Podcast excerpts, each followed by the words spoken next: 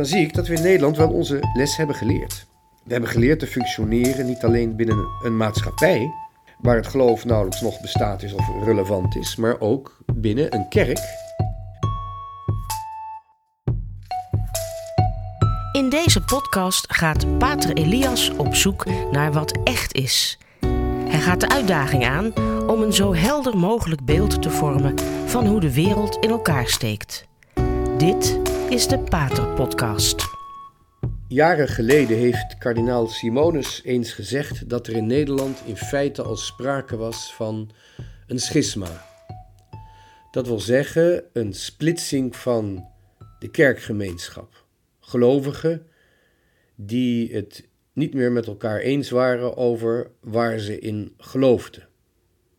Een opsplitsing van de kerk in delen waarin andere dingen geloofd werd. Een schisma. Hij zei dat jaren geleden. En zeker in onze tijd moest ik daar ineens weer aan denken. Had hij gelijk? Was er 30, 40 jaar geleden al sprake van een schisma? En is dat schisma doorgegroeid of bestaat het niet meer? Een schisma, dat betekent letterlijk een scheiding, een verdeling in verschillende delen. Dat zou eigenlijk moeten betekenen dat inderdaad er in de ene groep dit wordt geloofd en in de andere groep iets anders. Bijvoorbeeld, hier wordt geloofd dat Christus in de heilige Eucharistie aanwezig is, maar in een andere groep wordt geloofd dat hij niet in de gedaante van brood en wijn, maar in de gedaante van brood en vis aanwezig is, bijvoorbeeld. Dat wil zeggen, er worden verschillende dingen geloofd door verschillende groepen mensen. Wanneer je daar nu over nadenkt, vraag je je af of dat werkelijk het geval was met het schisma waar kardinaal Simonus het over had. Het merkwaardige is dat je eigenlijk vandaag veel meer ziet dat die situatie, die eigenlijk nog steeds hetzelfde is in de Nederlandse kerk, er zijn veel dingen veranderd. Maar waarop kardinaal Simonus zinspeelde is niet of nauwelijks veranderd. Wanneer je daar in deze tijd naar kijkt, dan zie je dat er eigenlijk niet zozeer sprake is van de ene groep gelooft A en de andere groep gelooft B, maar dat er binnen de gemeenschap van mensen die zich katholiek noemen en die ook misschien oprecht ervan overtuigd zijn dat ze katholiek zijn, dat er binnen die groep mensen zijn die bepaalde dingen geloven en daaraan vasthouden. En anderen zijn die eigenlijk niet meer weten wat ze nou wel geloven. Die eigenlijk aan niets vasthouden waar ze in geloven. Ik zeg niet dat het een verschil is tussen geloof aan de ene kant en ongeloof aan de andere kant, maar meer dat er sprake is van een geloofsinhoud aan de ene kant, die duidelijk is en die ook constant is, terwijl aan de andere kant eigenlijk ondanks alle oprechtheid, men niet meer weet of niet meer wil weten wat nou precies geloofd wordt. Wat nou precies de geloofsinhoud is.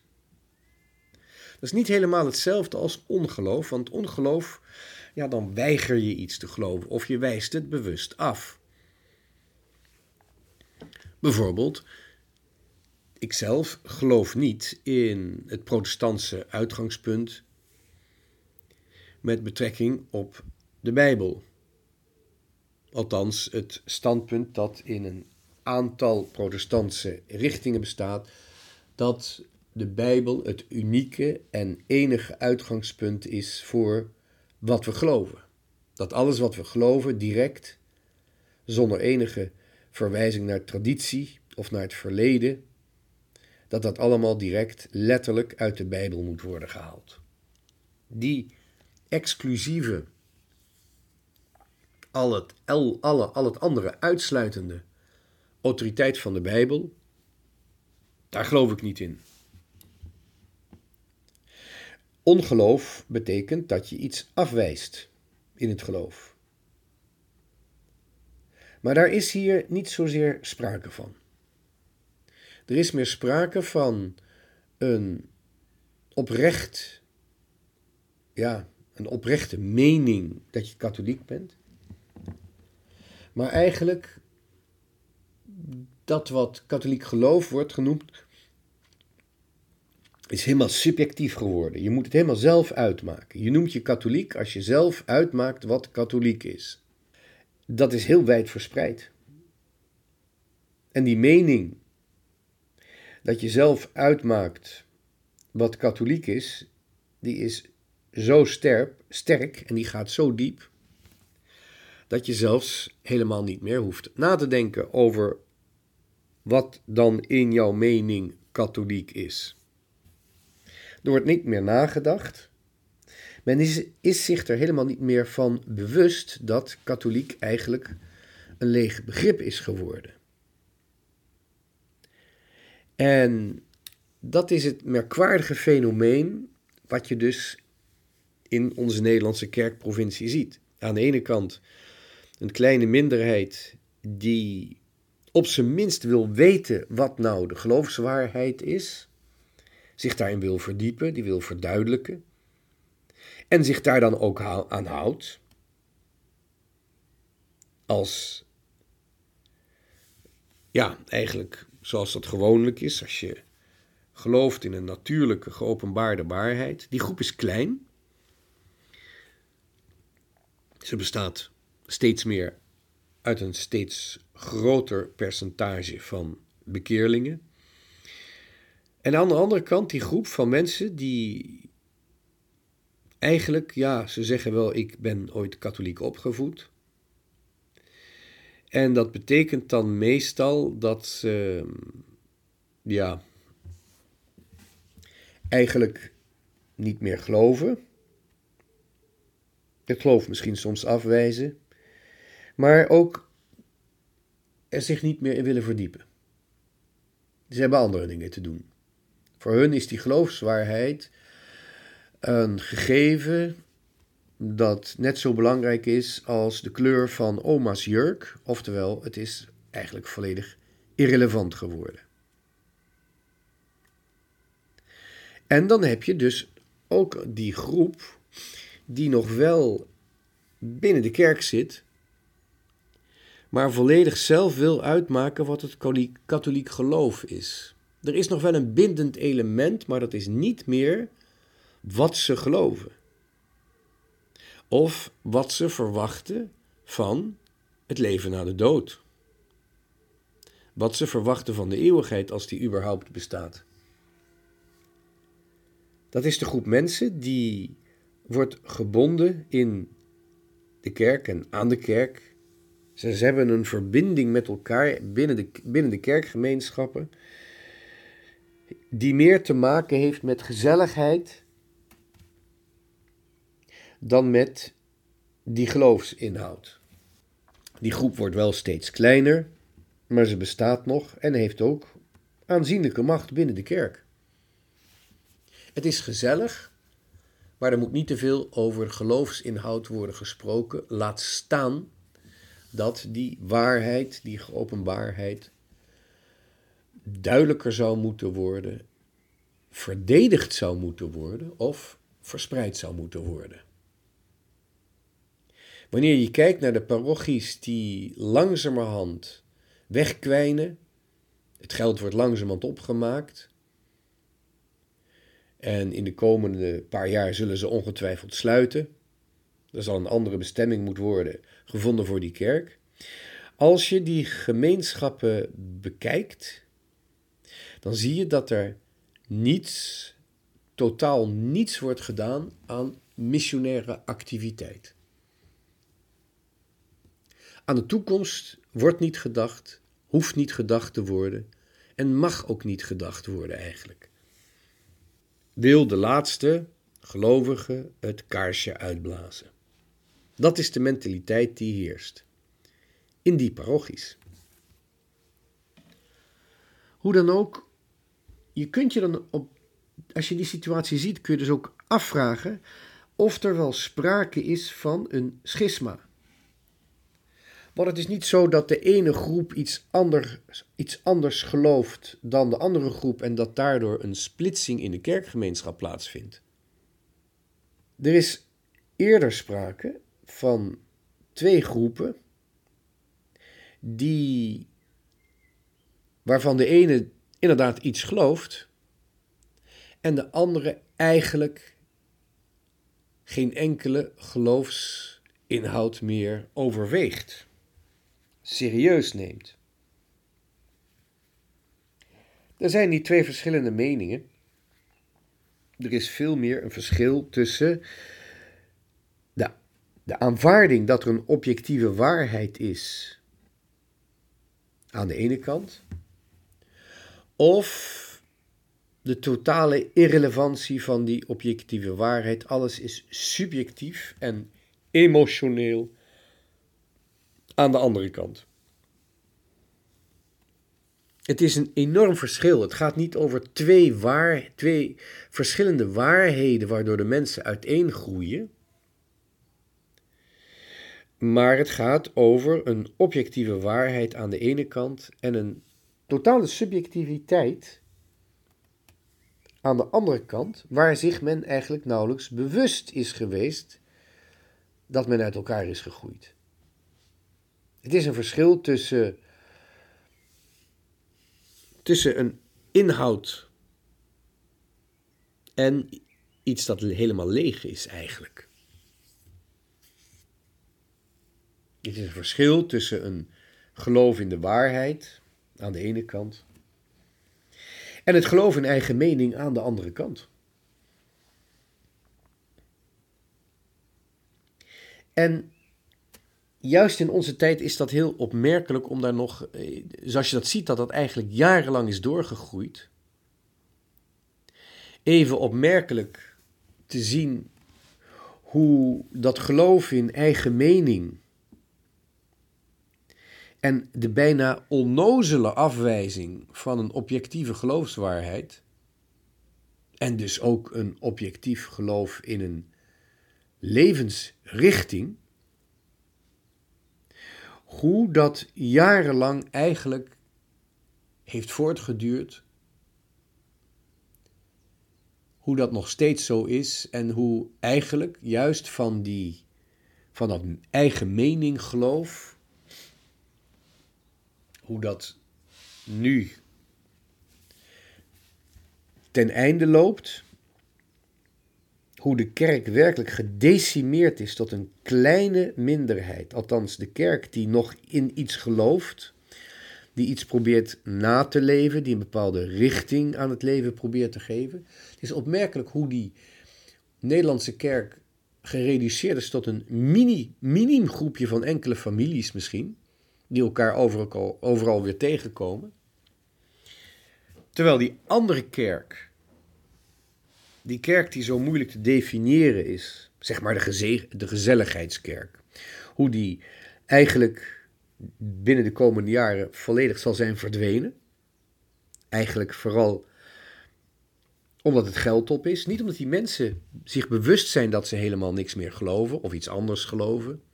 En ook niet meer omdat boze bisschoppen of boze priesters ze uit de kerk zetten. Nee, het geld is gewoon op. Daarom zal die kerk, die hele vreemde, ondefinierende afsplitsing van de kerk, zal gewoon wegkwijnen. Ze zal langzaam wegzakken ja, in het moeras van het eigen faillissement. Veelal zonder een kick te geven.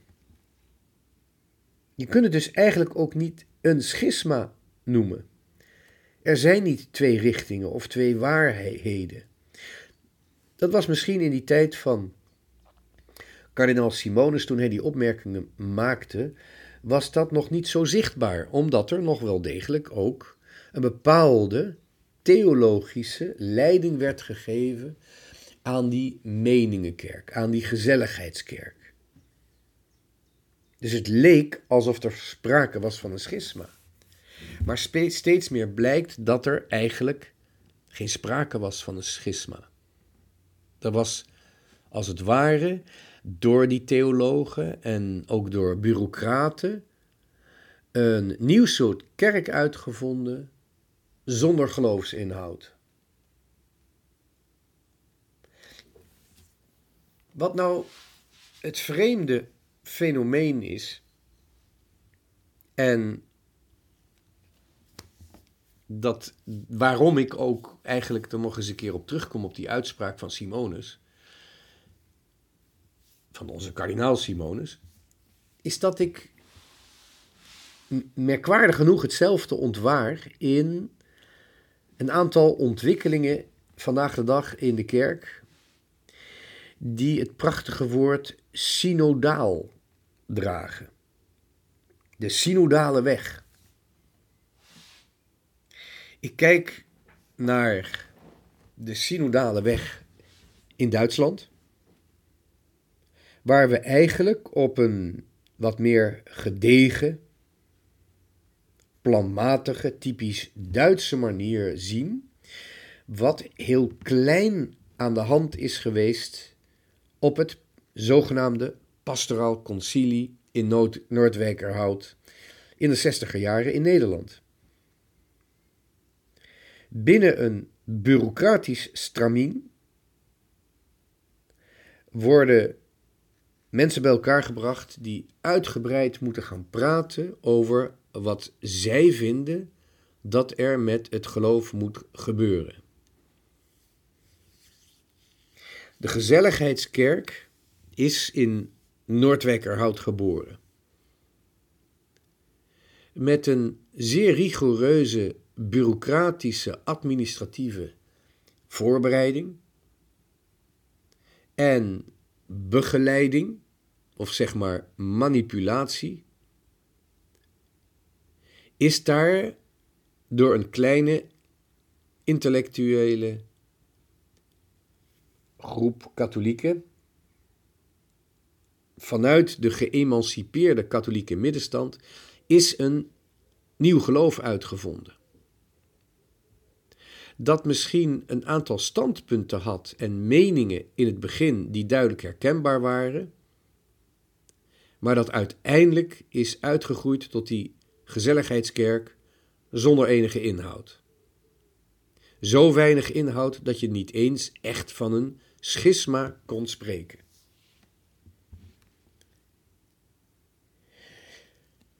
Dat hele gebeuren kun je nu in Duitsland herkennen. Met veel geld, met een Duitse manier van organiseren zou ik bijna zeggen, grondig aangepakt, wordt daar op dezelfde manier het geloof om zeep gebracht. Want iedereen mag zijn mening geven over wat het geloof zou moeten zijn, zou moeten betekenen. De, de, het woord synodaal, waar op zich niets kwaad mee is, wordt eigenlijk op een volstrekt nieuwe manier gebruikt. Synodos betekent samengaan. En de bijeenkomst is een samenkomst waarvan eigenlijk niet meer wordt, ja, er wordt niet meer uitgegaan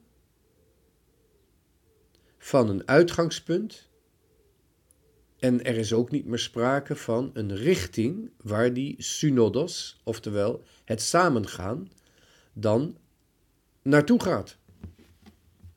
Het is een uitgebreid praten over meningen die in de maatschappij leven, maar de overweging of daar nog een objectieve katholieke richting in zit en of we die richting moeten inslaan, die lijkt volledig niet ter sprake te komen. Het is nou eenmaal zo, met ieder geloof, met iedere godsdienst, dat als je ergens naartoe wil, of als je iets wil vieren dat op een ritueel lijkt, of een liturgie, dat heeft alleen maar zin als je uitgaat van bepaalde dogma's. Die dogma's, dat is hetgene wat ons in het geloof verenigt. Je blijft daar niet bij. Die dogma's zijn onveranderlijk, maar wij wel. Die dogma's zijn onverwanderlijk en eeuwig, terwijl wij op weg zijn, terwijl wij in de tijd zijn. Maar onze tijd krijgt door die dogma's een richting. Die dogma's zijn geopenbaard door de eeuwigheid en ze leiden ook weer terug naar de eeuwigheid. Wanneer je die dogma's niet erkent, wanneer je samenkomt en een ritueel samen beleeft, als je dat doet zonder dogma's, dan is het een toneelstukje. En dat kan een komedie zijn, het kan een mooi, plechtig toneelstuk zijn. Maar het is helaas zo dat als je samenkomt om een ritueel te, te vieren en je bent je niet helemaal meer bewust, je bent je helemaal niet meer bewust van het feit dat voor een ritueel dogma's nodig zijn, waarop je je baseert, waarvan je in vertrouwen aanneemt, niet alleen dat ze waar zijn, maar dat ook de anderen die dat ritueel meevieren, waarmee je in de kerk zit, dat die daar ook in geloven. Wanneer dat vertrouwen in de geopenbaarde waarheid en het vertrouwen in het geloof van je medemensen die ook in die kerk komen, wanneer dat geloof er niet is, dan kan het ritueel nog zo mooi zijn, maar het is een klucht. Het slaat helemaal nergens op. Het is er voor de gezelligheid. En het is dan ook geen ritueel, maar een klucht, een toneelstukje. Ook al zijn de mensen die eraan deelnemen bloedserieus, ook al nemen ze zichzelf hartstikke serieus. Ja, en als je dan daarvan uitgaat dat je vanuit de meningen van mensen in onze tijd ineens kunt gaan destilleren van wat God zegt, dan zul je je allereerst moeten afvragen wat jouw dogma's zijn. Oftewel, wat jouw criteria zijn om te onderscheiden welke meningen en wat in de meningen nou precies met het geloof te maken heeft. Met andere woorden, voor onderscheid, en dat is een modewoord, we moeten leren onderscheiden in ons geloofsleven, in onze spiritualiteit, in ons geloofsleven is onderscheid nodig.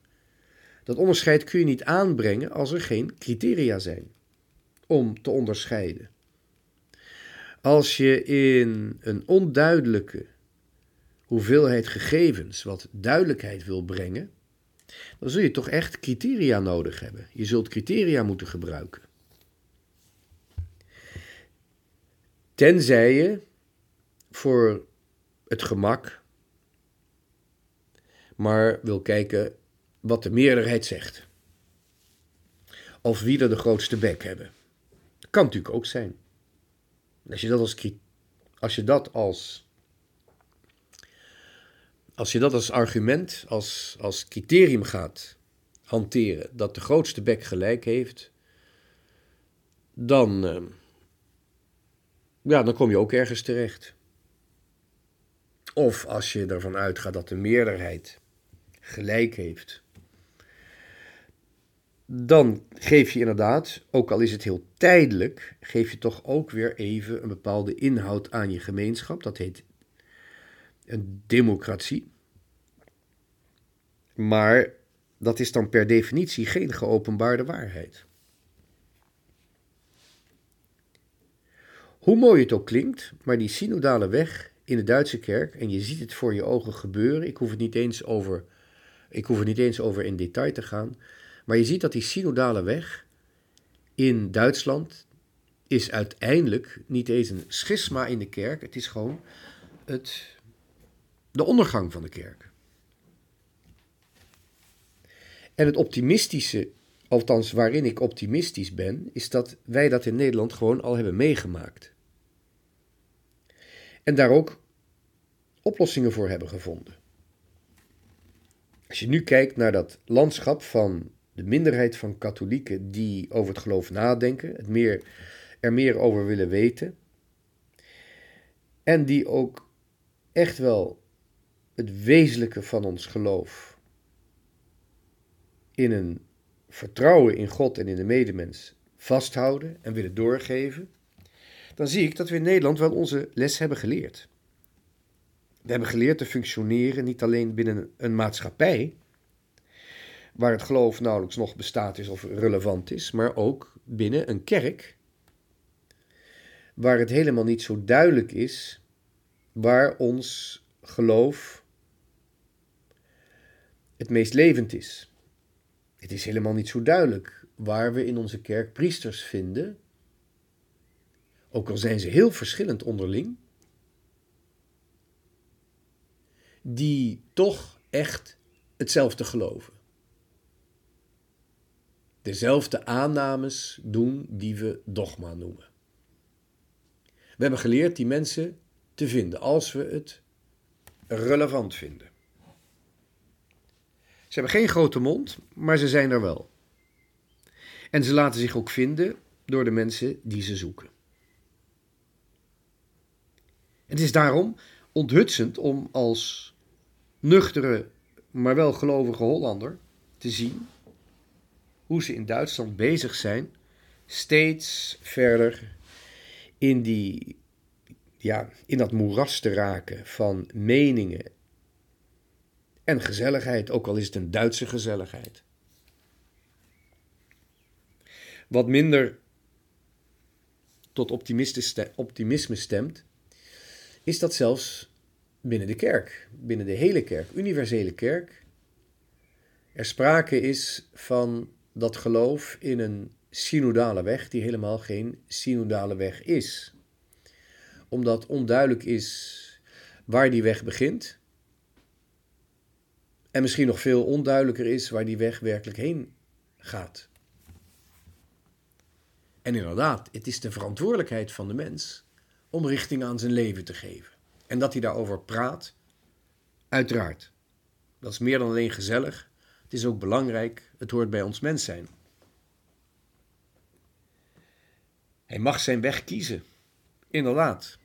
We zijn allemaal verantwoordelijk voor ons eigen leven. Maar die verantwoording betekent ook wel dat we die weg dan ook moeten kiezen. En dat we hem niet hoeven te kiezen. En dat mensen die de dogma's van de katholieke kerk niet meer geloven, als die volwassen zijn, dat die dan ook zeggen: Oké, ik geloof het niet meer. Ik ga niet meelopen met katholieken.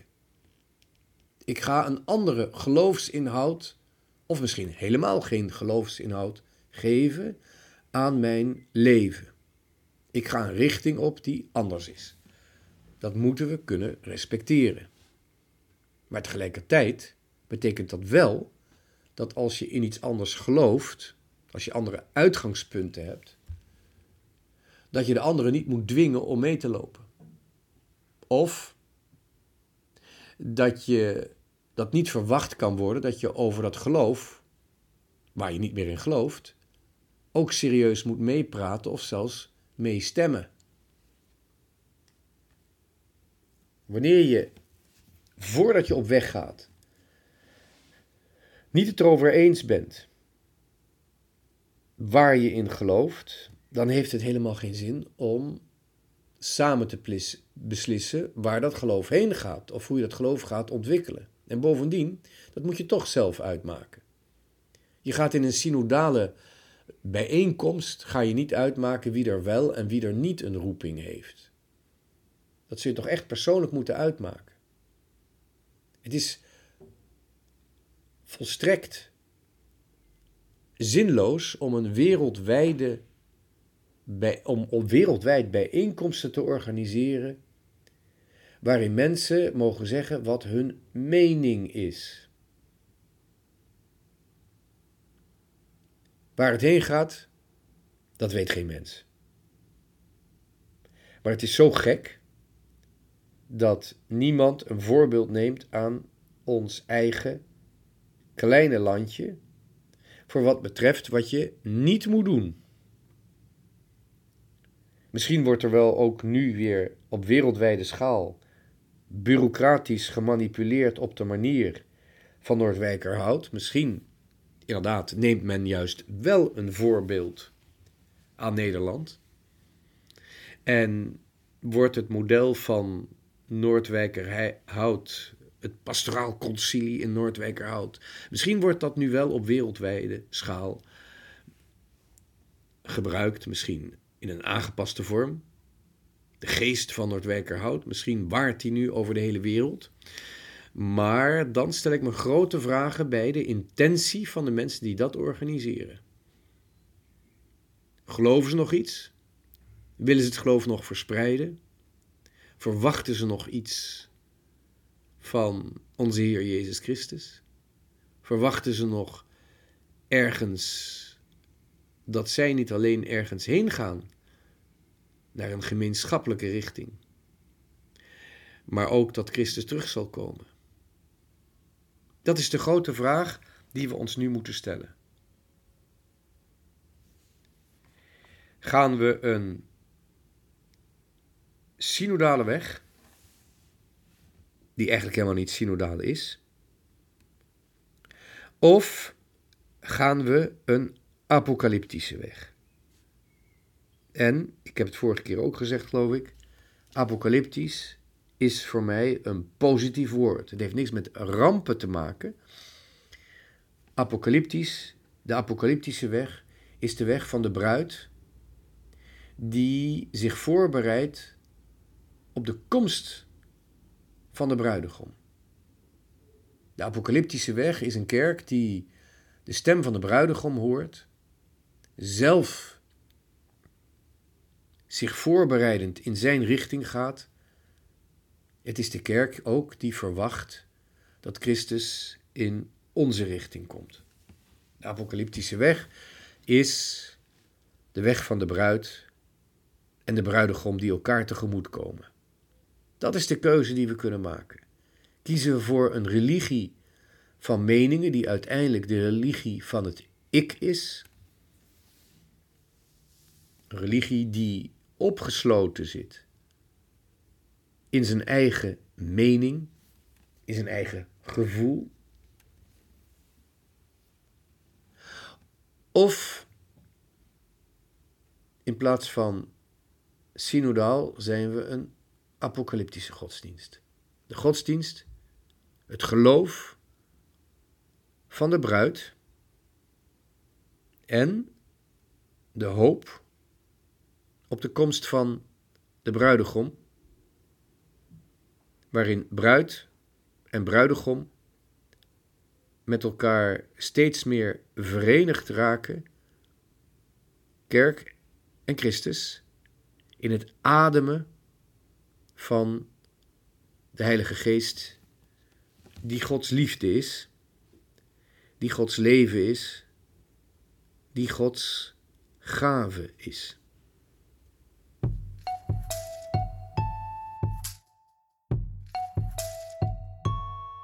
Dit was de Radio Maria Pater Podcast met Pater Elias. Deze podcast is online terug te luisteren via de website van Radio Maria en andere podcastplatforms.